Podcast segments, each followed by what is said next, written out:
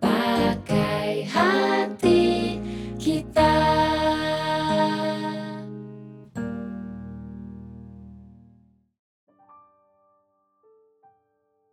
Istimewa. Apa sih? Kedatangan seorang Arifin Putra. Toxic positivity menurut gue adalah sebuah hal yang positif tetapi sebenarnya tanpa sadar itu tidak membangun. Kalau apakah gue pernah ngalamin toxic positivity, gue rasa sekarang di social media ya. Mhm, ya mereka bener-bener fokus ke hyper positivity gitu kan. mhm. Di mana mereka semuanya serba positif, serba positif, serba Mhm. positif. Emang ini ada timernya ya buat covid ini? Ibaratnya kayak 31 Desember 2359 udah selesai, out. Iya nggak ada yang Eh, tahu sih. Jadi menurut gue itu sempet agak bahaya karena itu memberikan harapan palsu menurut gue gitu kan. Mhm. Ibaratnya coddling ya udah guys tenang aja ini bakal selesai kok bakal berakhir gitu. Sekarang juga orang posting banyak banget tuh throwback throwback throwback gitu kan. Iya. Oh ya ini Natal tahun lalu when everything was perfect gitu kan. Yes. Atau ini misalnya liburan ke luar negeri tahun lalu when everything was fine gitu kan Heeh. yang gue ngerti cuma menurut gue sih tetap aja kan itu juga maybe to to entertain yourself juga Mhm. gitu kan tapi intinya itu juga spreading a lot of positivity karena ibaratnya kayak nggak mau melihat apa yang ada di sekeliling kita jadi kita fokus ke yang positif positif aja deh gitu Tapi gue malah jadi stres ngeliat postingan orang yang happy-happy itu pada saat awal PSBB ya. Mm-mm. Menyenangkan, tapi di satu titik gue jadi stres kayak oh my god, orang masih bisa punya kehidupan, masih bisa jalan-jalan, masih punya memori yang bagus sedangkan gue di sini sendirian. Ugh, gitu. Ya sampai akhirnya gue berhenti sosmed. oh gitu Iya, gue sempat puasa sosmed. luar Dan biasa susah sih. puasa sosmed selama beberapa bulan dan hasilnya itu wow banget. apa hasilnya Hasilnya gue nggak reachnya mantengin gimana engagementnya gimana Has- hasilnya adalah gue jadi bercocok tanam. oke Kucing gue bertambah dari yang tadinya satu jadi lima. oke itu Terus- satu bisa jadi lima gimana tuh ceritanya Setiap ada yang nawarin mau adopsi nggak, saya bilang iya. oke oke luar biasa Karena dengan alasan hmm, kasihan kalau ini dipisahin dari keluarganya. Jadi gue kucing gue di rumah itu tuh ibu dan anak-anaknya. oh. British short hair semua, gemes-gemesin semua. Dan gue jadi belajar untuk menikmati diri sendiri. oke menikmati solitude dalam Oke. artian sendiri itu bukan artinya kesepian itu sih dan di situ gue baru ngeh kalau oh ternyata postingan orang yang serba stay positif nah oke kita masih bisa sehat alhamdulillah itu bikin gue stres Iya, kalau gue sendiri sih, gue menganggap diri gue sendiri juga orangnya cukup positif gitu ya. Positif akan masa depan. Cuman emang gue menyadari bahwa saat ini, ya well ya. Jadi kalau gue ngelihatnya sih, semuanya kan emang ada takarannya ya. Kalau gue pribadi, gue selalu berusaha untuk memiliki positivity yang fondasinya tetap ada realitanya gitu. Realistic positivity. Jadi ibaratnya yes, the future will be brighter, the future will be better, tapi ya kita harus realistis juga ya dengan kekurangan yang kita miliki saat ini itu emang ada and it's okay. Tapi intinya gimana caranya biar kita bisa mencapai masa depan yang ya lebih baik lah. dan mengakui negativity yang ada gitu tapi tidak terdominasi oleh negativity yang ada Ya karena menurut gue hidup nggak mungkin selalu bahagia. Kalau misalnya hidup selalu bahagia lu nggak ada masalah, artinya lu udah mati. iya It's as simple as that. dan kalau bahagia terus ya pasti nggak berasa bahagia karena nggak ada comparisonnya Mm-mm. Intinya kita butuh balance dalam hidup Mhm. kan. Kan orang bilang air itu sehat. Tapi kalau lu minum air terlalu banyak, lu bisa mati juga. iya betul So basically I think positivity is the same thing. Emang kita membutuhkan sebuah balance dalam hidup ini. Perlu positivity, kalau enggak kita nggak ada motivasi untuk bangun setiap pagi atau malam untuk yang insom. Dan pada saat yang sama kita juga butuh negativity supaya kita bisa kritis juga dengan Iya, sekelilingnya betul. kita, dengan diri kita sendiri juga, dengan omongan orang lain juga gitu. Mm-mm. Iya benar. Dan terkadang itu sesuatu yang negatif itu belum tentu negatif. Kayak misalnya amarah. Amarah itu menurut gue penting. Mhm. Karena kalau kita nggak punya amarah, kita gampang dipermainkan oleh orang lain. Apa pun kita terima aja. Amarah itu adalah bentuk survival skill kita untuk memproteksi diri. Tapi sering kali kita itu menghindari amarah. dengan sabar yang yang waras ngalah. Gue ngerti maksud lo sih. Maksudnya sama juga kalau misalnya lo sedih atau apa, ya bisa jadi lo nangis lah inilah. Mm -mm. Nah, mas, misalnya ada yang orang penting, sahabat, keluarga apa pun itu yang meninggal dari, dari keluarga lo, dan gue rasa emang lu butuh waktu untuk bersedih, mm -mm. untuk berkabung gitu ya. Mm -mm gue rasa emang ada bagusnya orang keluarin aja dulu maksudnya unek-uneknya emosinya apa segala biar sistemnya dia balance lagi. Bener sih bener. Gue kan psikolog juga. Dia ngajarin gue amarah itu adalah sebuah perasaan yang memang harus ada tetapi mm -hmm. tidak berkepanjangan sama seperti sedih sama seperti rasa kecewa kita harus bisa acknowledge mengetahui bahwa rasa itu ada dan menerima bahwa ya sekarang lagi sedih, sekarang lagi marah. Tapi jangan berlarut-larut di dalam situ. Karena kalau berlarut-larut jadinya kejadian itu nggak jadi pelajaran untuk kita lebih berkembang dong. Iya mungkin gini ya maksudnya kayak jangan pendem gitu. Kalau emang pendem iya. Kalau emang ada masalah ya langsung diomongin belak-belakan aja. Mm -mm. Tapi ibaratnya ya bener-bener fokus ke masalah itu aja. Kalau udah selesai mau ada solusi atau enggak ya udah move on gitu kan. Iya. Kadang-kadang kalau gue pribadi gue merasa kalau ada orang yang kita sayangi terus mereka meninggalkan kita, kalau dia enggak sengsara, meninggalkan kitanya, ya harusnya kita senang dong buat dia. Artinya sekarang orang itu udah di tempat yang lebih baik. Mm -hmm. Tapi biasanya de facto-nya adalah kalau kita ditinggalkan seseorang, kita sedih, kita nangis. Mm -hmm. Nah kenapa? Dan menurut gue emang orang harus menerima kondisinya ya gue sedang sedih supaya dia sendiri bisa lebih mengenal dirinya sendiri dan bisa mengalami balance supaya nanti enggak mentalnya menjadi rusak ke depannya gitu di mana dia nggak berhasil memproses kesedihan atau kemarahan atau apa pun itu, terus dia pendem, dia taruh dalam sebuah kotak jauh-jauh di mana gitu di alam bawah sadarnya, terus melanjutkan hidupnya, tapi masalah itu nggak pernah diurai gitu. Cakep. The end.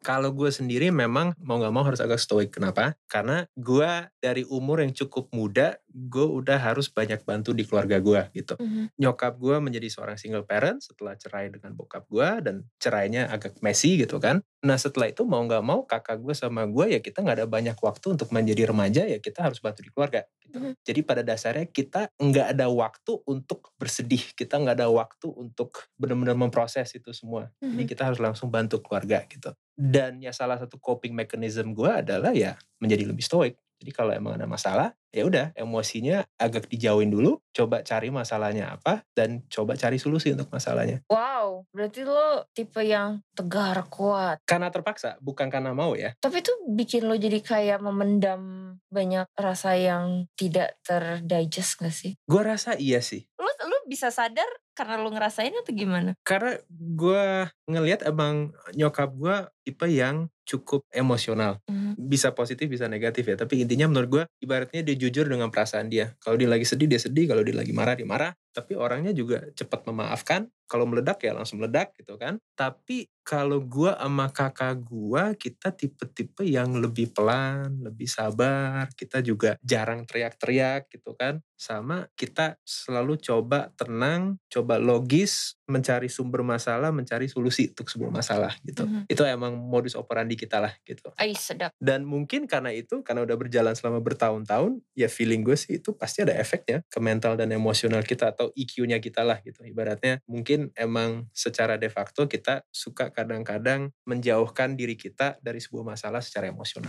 Terus lu pelampiasannya ke mana dong? Pelampiasannya? Main PS seharian? Kalau gue biasanya gue paling seneng kalau gue bisa sendirian. Misalnya jalan kaki sendirian gitu ya. Di taman kayak apa kayak gitu. Itu buat gue justru sangat bagus dan menenangkan gitu atau kadang-kadang gue nonton kalau waktu masih aman ya ke bioskop gue suka ke bioskop sendirian gue nonton sendirian. Hmm. gue bisa lebih nikmatin begitu. Atau ya paling kan traveling gitu tapi juga traveling emang traveling sendirian. Jadi entah gimana gue bisa mendapat ketenangan kalau gue sendirian gitu gue kan pernah naik gunung ke Nepal kan hmm. dan di Nepal itu gue naik ke gunung-gunung yang tingginya tuh 3000 800 meter dan itu kan jalan kaki semua. Terus kita mulai dari ketinggian kayaknya 1200 meter lah di, di atas permukaan laut. Terus kita ngeliat ada gunung nih gitu kan. Gue bilang ah gunung ini mah gue bisa nih mencapai gunung ini. Tapi begitu kita udah sampai di puncaknya ada gunung lagi lebih tinggi lagi. Gue hah oke okay, ini bisa nih gitu kan. Situ ada gunung lagi. Begitu nyampe gunung itu lagi tiba-tiba kita di dalam sebuah lembah. Ada gunung yang lebih besar lagi. Oh wow. Terus kita lagi jalan di sebuah lembah terus tiba-tiba ada banyak batu apa segala gitu. Terus kita bilang loh ini kok banyak batu ya? Kok nggak savana atau maksudnya ya daun-daunan seperti yang biasa? Dia bilang oh ini dulu satu desa di sini. Satu desa isinya 200 kepala keluarga. Uh. tapi waktu itu ada gempa setahun yang lalu terus dalam hitungan menit ya udah satu desa hilang. Jadi kita kita jalan di atas desa itu. Dan karena reruntuhannya begitu banyak ya mereka nggak ada waktu untuk ngangkat jenazahnya. Jadi intinya ya masih di situ semua. ini reruntuhan itu ya di situ gue menyadari kita sebagai manusia betapa kecilnya kita betapa nggak ada artinya di hadapan alam gitu ya yang begitu maha kuasa yang begitu maha besar yang dalam hitungan menit itu bisa menghilangkan hidup kita nyawa kita eksistensi kita setelah itu kita sampai di sebuah penginapan yang hari itu baru buka setelah selama satu tahun tutup gara-gara gempa itu. Mm-hmm. Mereka cuma ada dua gubuk yang kecil banget, sumpek, apek dan lain-lain. Mm-hmm. Ya itu adanya gitu. Mm-hmm. Habis itu kita masuk ke dapur mereka yang juga baru direnovasi dikit. Mereka cuma ada kompor yang dari kayu mereka nyalain juga ya pakai api biasa kita makan nasi goreng yang paling hambar di seluruh dunia karena mereka nggak ada garam nggak ada nggak ada lada nggak ada apa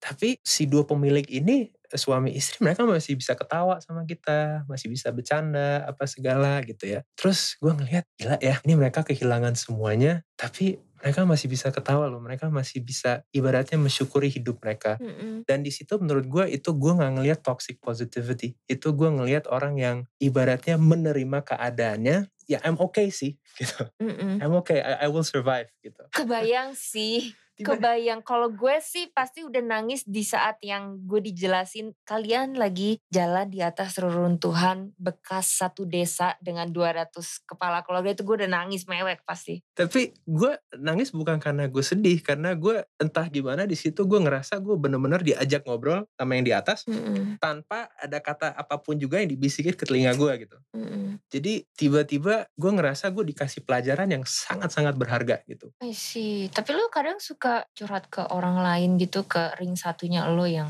kalau ring satu gue iya gue adalah dua tiga empat orang yang gue biasa ajak ngobrol. Dan, di luar itu juga masih ada beberapa lagi tapi itu biasanya masalahnya nggak yang terlalu berat-berat banget. Nah tiga empat orang itu tipikal yang lebih ke ngasih lo comfort atau brutal honesty? Ada dua-duanya. Oh. yeah ada dua orang brutal honesty, ada satu lagi dia agak nyebelin sih. Dia nggak pernah benar-benar memberikan solusi gitu. Oke. Okay. Jadi dia ibaratnya selalu dia dengerin, tapi habis itu dia mau gue mencari solusinya sendiri gitu. Which is menurut gue juga bagus juga sih. Gitu. Bagus. Karena ibaratnya dia nggak suapin gue seperti tadi lu bilang kan. Mm -hmm. Tapi justru dia suka membuka wawasan gue sih. Kalau yang dua lagi itu mereka very honest. Kalau yang satu lagi sangat positif. Jadi menurut gue balance. Hmm, itu komposisi yang menarik sih. Nah lu ke nyokap lu kayak gimana? Lu lebih ke yang ngasih comfort atau lebih ke yang direct honesty? Tergantung. Kalau misalnya masalah berita tentang COVID dan masalah politik di negara kita yang dia misalnya forward dari grup-grup WhatsApp, okay. itu brutal honesty. Tapi dia baik sih. Kalau dulu dia pokoknya forward terus sudah emosi gitu kan. Kalau sekarang dia pin ini dari grup WhatsApp bener atau enggak gitu kan. Hmm. Terus gue biasanya gue baca terus oke okay, mah ini nggak bener karena ini ini ini ini ini, ini gitu. Hmm. Oh ya udah oke okay, makasih ya.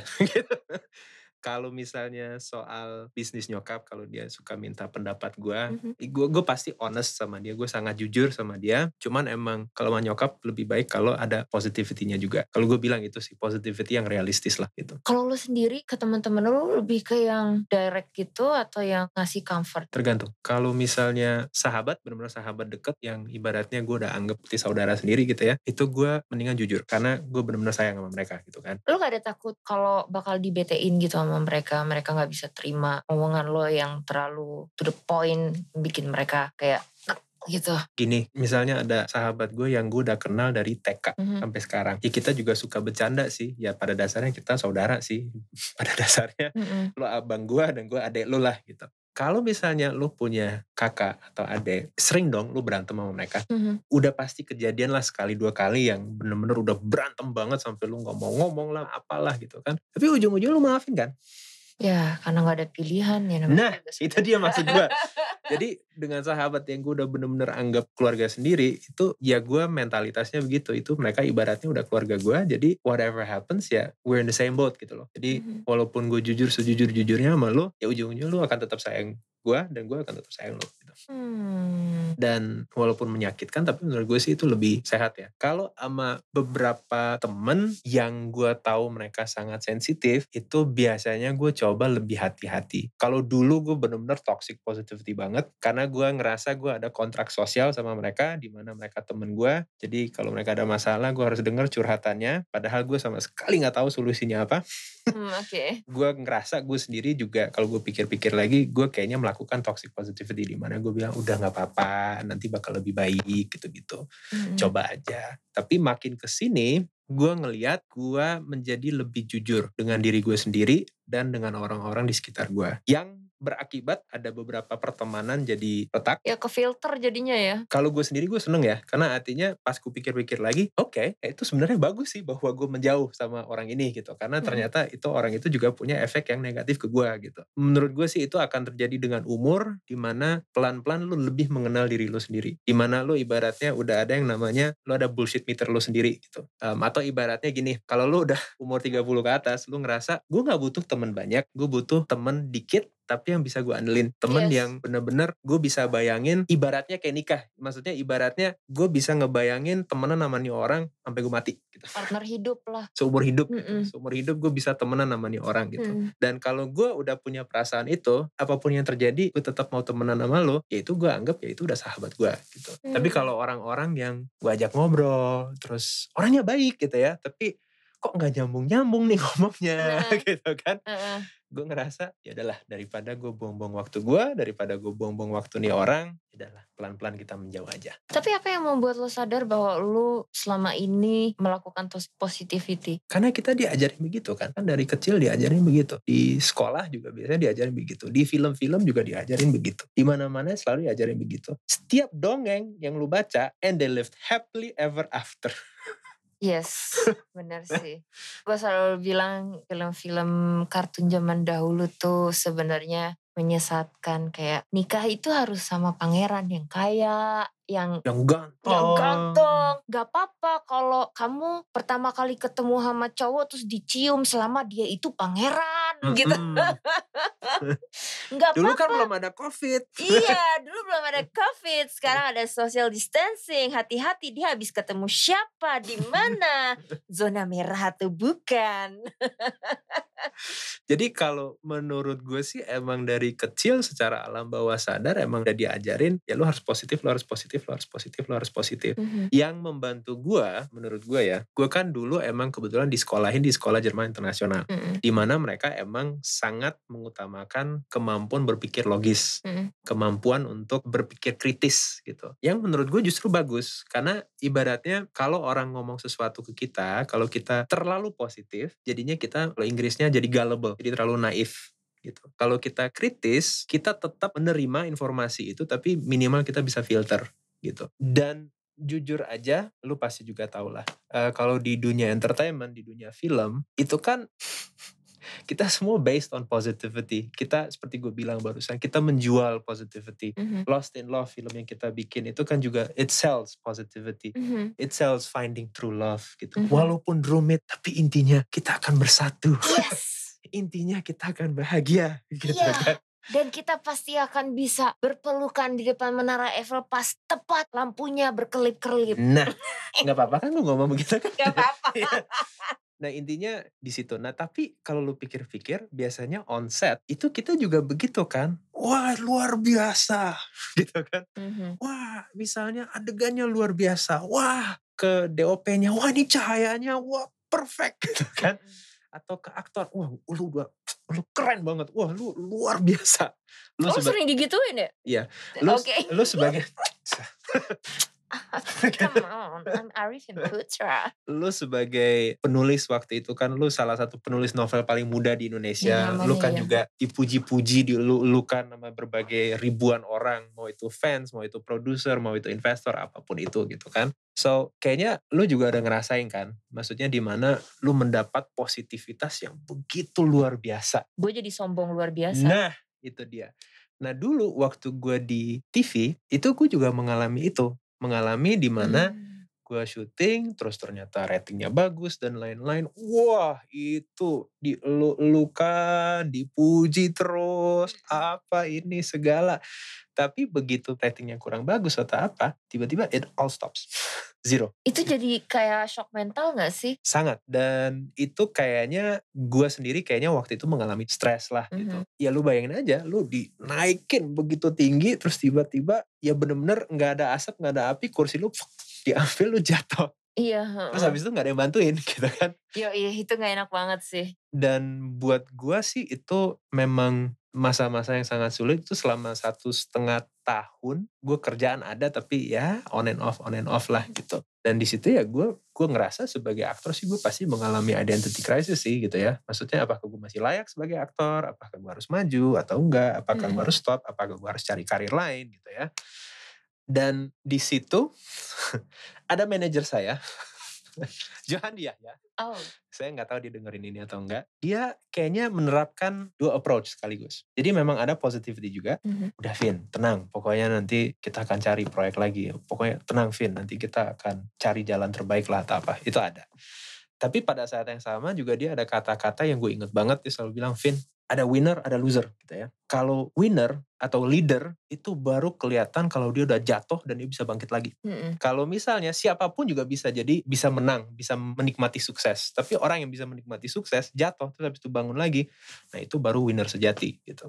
Gue ngerasa, gue merasa sangat bersyukur waktu karir TV gue justru mengalami bilanglah hambatan atau kejatuhan atau apa pun itu, hmm. gue justru banyak belajar di situ. Jadi selama satu setengah tahun ya gue bisa stres, depresi atau apa pun itu istilahnya, gue bisa mencerna itu semua dan gue pelan-pelan bisa mengerti gitu kan. Dan gue bisa lebih mengenal diri gue sendiri juga. Hmm. Setelah itu, waktu tiba-tiba gue masih ingat tahun 2011, gue pelan-pelan mulai naik lagi, mulai bangkit lagi, itu gue justru baru di situ gue bisa belajar mensyukuri. Hmm. Di situ hmm. setiap hari gue syuting, setiap hari gue dapat pemasukan, setiap hari gue ibarat ibaratnya diajak interview, dikirimin skenario apa pun itu, setiap hari gue bersyukur. Malahan waktu itu pernah ada satu sinetron yang sebelumnya berapa sinetron gagal terus, gagal terus, gagal terus. Ada satu sinetron yang tayang, terus gue, aduh ini pasti gagal lagi nih. Eh hmm. ternyata lanjut nih, minggu hmm. kedua, terus gue, hah beneran nih gitu kan. Mm. Terus habis itu tetap dipanggil syuting terus. Wah ratingnya masih bagus. Itu terus terus terus sampai ternyata puluhan sampai ratusan episode gitu kan. Itu gue justru mengalami sesuatu yang aneh. Kalau sebelumnya gue selalu merasa kalau sukses ya emang seharusnya. Iya. Di situ tiba-tiba gue seneng tapi gue agak takut seneng gue agak takut terlalu seneng. Karena takut ntar tiba-tiba kecewa. Takut tiba-tiba kecewa, takut tiba-tiba mimpi indah ini akan hilang.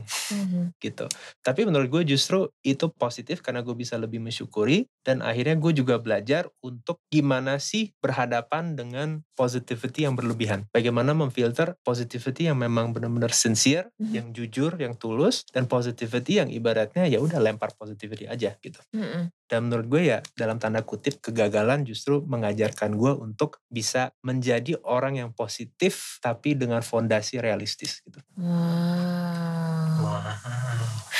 Benar sih dari cerita lo itu gue jadi nginget-inget kisah gue karena kan gue ngalamin kesuksesan yang mendadak mm -mm. yang tidak direncanakan sama sekali dengan Evil I'm in Love. Abis itu gone, hilang. Dan setelahnya gue memang agak sulit untuk menerima pujian kayak, mm, oh, oke, okay. oh ini bagus banget ya, oh ya, makasih. Hmm. Tapi kayak menurut gue enggak, ini belum, belum, belum. Tapi di satu sisi jadi kayak sulit menerima pujian orang lain yang terus kalau berlebihan jadinya hard on myself. Mm-hmm. Lu sempat ngalamin itu juga gak sih? Sulit untuk menerima pujian. Karena lu selalu merasa bahwa enggak ini gue bisa lebih gue bisa lebih gue bisa lebih ini belum maksimal gitu gini kalau gue belajar dan gue juga ngelihat ya kalau gue ngelihat sekarang dari khususnya aktor ya karena kan gue dunia acting jadi gue ambil contoh aktor tapi kalau aktor kan memang pada dasarnya ingin diterima mm-hmm. dan mencari pengakuan itu dasar dari setiap aktor gitu suka nggak suka itu kenyataan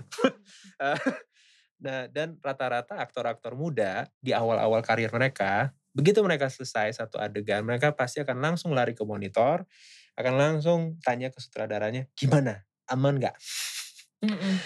Kalau dulu gue rasa gue juga begitu, ya pelan-pelan gue jadi belajar. Maksudnya sebagai aktor ataupun apa pun juga yang kita jalani di hidup ini, gue rasa penting bahwa kita juga bisa menjadi kritik diri kita sendiri gitu. Dan kita bisa jujur sama diri sendiri. Dalam hal begini. Acting itu pasti kolaborasi antara aktor dengan sutradara dan juga seluruh tim gitu ya. Intinya sebagai aktor kayaknya setelah kita melakukan sebuah adegan, kalau kita udah persiapan matang dan kita udah menjalankan yang terbaik, kalau gue sendiri gue ngerasa gue sebagai aktor gue harus bisa bilang sama diri sendiri, oke okay, Vin itu udah cukup atau Vin kayaknya lo masih bisa lebih baik lagi. Kalau misalnya gue sendiri gue udah ngerasa udah cukup, kalau sutradara juga bilang udah aman, ya udah that's it, nggak usah dipikirin lagi gitu. Tapi kalau misalnya gue ngerasa cukup, sutradara bilang belum cukup, ya udah nggak apa-apa, it's fine juga. Tapi intinya menurut gue adalah bahwa lo memiliki kompas dalam diri lu sendiri yang menyatakan it's good enough atau maksudnya ini udah cukup atau lu masih bisa ngasih lebih baik gitu. Tapi untuk menerima pujian, seperti gue bilang, gue sih sekarang belajar untuk lebih memfilter aja. Mana sih yang benar-benar tulus, mana yang tidak tulus. Karena Taunya dari mana? Itu dia, lo harus mengenal diri lo sendiri sih. Hmm. Lo harus mengenal diri lo sendiri.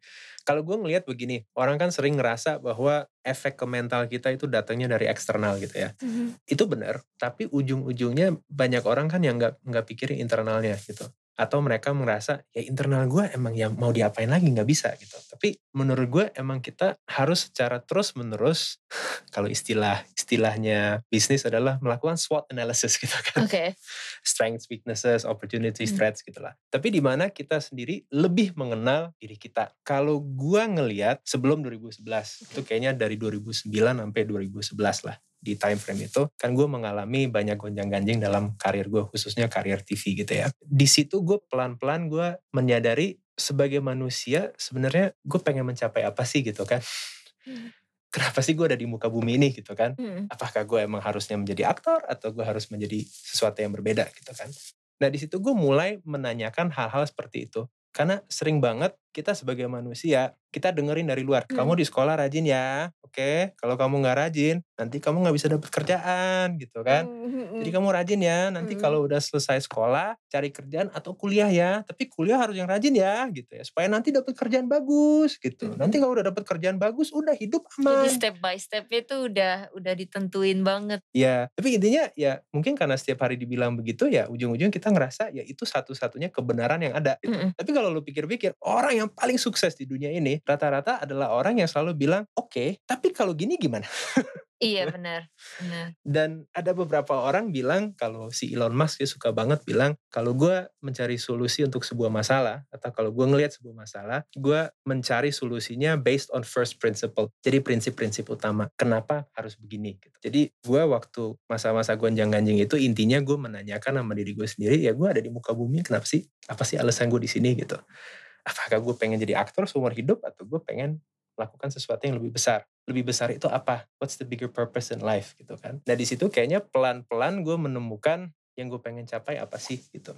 Dan di situ pelan-pelan ya gue bikin credo gue sendiri yaitu adalah have a big selfless goal tapi pursue it selfishly. Oh, interesting. Nah, selfishly itu artinya apa? Semua orang kan bilang, wah Vin tapi selfish kan artinya sombong gitu. Enggak juga. juga. Maksudnya gini, gue gak mau menjalani hidup gue, terus tiba-tiba gue bangun umur 45 atau 50, terus gue ngerasa gue ngapain sih di hidup gue gitu. Mm -mm. Gue gak mau begitu. Gue mau menjalani hidup yang berarti gue mau menjadi bagian yang berguna untuk masyarakat gitu. Hmm. menjadi alat yang berguna untuk masyarakat untuk masyarakat Indonesia maupun masyarakat bumi gitu. Terus di situ gue ngerasa lu cuma bisa mencapai itu kalau lu punya goal segitu besar yang lu sendiri lu nggak tahu lu akan pernah mencapai itu atau enggak tapi intinya lu harus ada goal itu. Setelah itu karena lu fokus ke goal itu akhirnya lu bisa ibaratnya menghilangkan all that white noise around you. Dan lu bisa secara selfishly mengejar si mimpi besar itu. Iya, menikmati. Gue setuju sih. Apa pun yang lo jalanin, lo harus bisa menemukan kenikmatannya untuk diri lo sendiri. Mm -mm. Itu selfishly enjoying the process. Yes, setuju. Hmm, mantap. Begitu.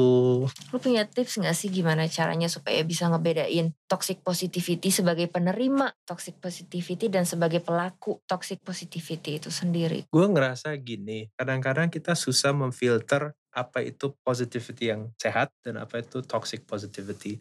Jadi palingan saran gue sih untuk semua orang adalah jangan selalu mencari keluar sih. Maksudnya kita harus cari ke dalam diri kita sendiri. Mm-hmm. Gue ngerasa pertama-tama kita harus belajar untuk jujur sama diri sendiri. Karena sering banget kita menjalani toxic positivity ke diri kita sendiri juga. Di mana kita bilang it's okay, it mm-hmm. will be better. Dah tenang aja gitu. Mm-hmm Terus habis itu kita ke orang-orang kita curhat dan kita mengharapkan kita mendapatkan itu juga. It's okay, semuanya akan lebih baik mm -hmm. lagi. Dan menurut gue itu bahaya. Karena dengan begitu ya kita akan bilang tuh kan dia aja bilang begitu. Ya udah artinya semuanya akan baik-baik aja. Gue nggak usah ngapa-ngapain aman kok gitu. Jadi menurut gue pertama-tama kita harus jujur sama diri kita sendiri dulu. Kita harus benar-benar membuka mata membuka telinga tentang sekeliling kita. Dan kita juga harus jujur sama perasaan kita. Apakah kita sedih apakah kita depresi apakah kita marah atau apa pun itu dan menurut gue ke depannya supaya kita juga bisa menjalani hidup yang balance, setiap manusia harus memiliki tujuan yang jelas menurut gue ya. Mm-hmm. Apa pun itu,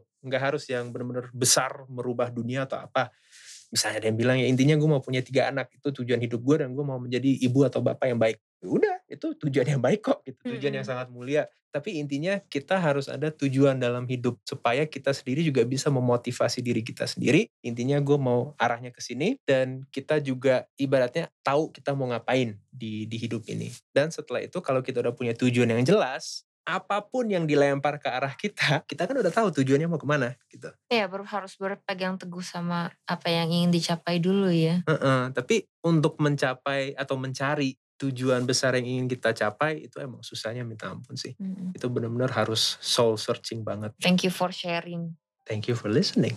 Oh. Sukses terus. Okay. Semoga kita bisa syuting bareng lagi. Amin. Yes. yes. Ditunggu ya, siapa tahu kita berkolaborasi. Amin. Hey. hey. Jangan lupa selalu pakai hati kita.